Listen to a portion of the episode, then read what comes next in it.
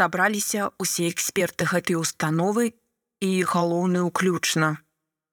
Самы эмацыйны выпадак быў, калі я толькі вырашыла, што буду размаўляць па-беларуску. Мне было каля 20 гадоў. Я была маладой дзяўчынай і яшчэ не ўмела сябе добра абараняць. Я проста запытала на вуліцы чалавека, як знайсці канкрэтны адрас. Ён тады сказаў, што трэба размаўляць на той мове, на якой размаўляюць з вами. Я кажу: « Дык вы ж не размаўляеце на той мове, на якой я размаўляю з вами. На што ён сказаў, што трэба размаўляць на той мове, на якой размаўляе большасць. Мяне гэта вельмі абурыла. Ён супярэчыў сам сабе. Не вельмі хацелася яму патлумачыць, што ён памыляецца. На той момант я яшчэ не ведала, што людзей нельга вучыць жыццю, а трэба займацца ўласным жыццём. Насамрэч, у мяне шмат такіх выпадкаў. Калі я ўладкоўваюся на працу і кажу: добрый дзень, ваша вакансія мяне цікавіць, то адразу сустракаю альбо вельмі актыўную агрэсію, альбо пасіўную.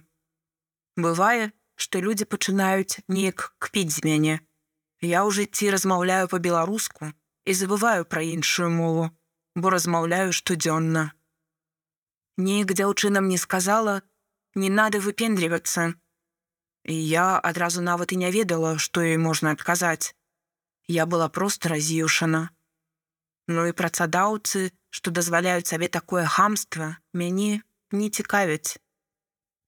Адзін з найбольш значных выпадкаў у мяне быў, калі трэба было тэрмінова прадаць кватэру, каб набыць дом. Я была звязаная па руках і нагах. Трэба было тэрмінова яго купляць, каб не застацца на вуліцы. Кватэру я проста так прадаць не магла, бо прадавала яе па частках. Гэта была як камуналка, і мае суседзі паскудзілі як маглі. Запалохалі майго пакупніка, і зрабілі ўсё, каб паставіць мяне ў чорны спіс, каб са мной нельга было рабіць юрыдычных дзеянняў. У выніку мне было трэба прайсці псіхіятрычную экспертызу на дзеяздольнасць, яна платная, робіцца 15 дзён. Прыходжу, а мне заяўляюць: « А почему вы говорите по-беларускі? У нас экспертиза праводзіцца на рускам. Я кажу у сэнсе. Гэта установа Рэспублікі Беларусь. Вы з'яўляецесь афіцыйным экспертам Рэспублікі Беларусь. Я абурылася, бо гэта была не проста чалавек на вуліцы, які не хоча са мной размаўляць па-беларуску, калі я запытваю дарогу, а судовы эксперт. І вось я ёй кажу: Гэта моя радзіма. Я на сваёй роднай зямлі знаходжуся, і я плачу грошы, каб вы мне правялі экспертызу і немалыя, і вы мне яшчэ будзеце ўказваць, на якой мове я павінна яе праходзіць. Яна крычала на мяне. Не вельмі гучна, але гэта было эпічна. Это у вас родина Республіка Беларусь, а моя родина Савецкі Саюз. Я, канешне, прахазіла ёй судовым працэсам і сяджу сумная на калідоры.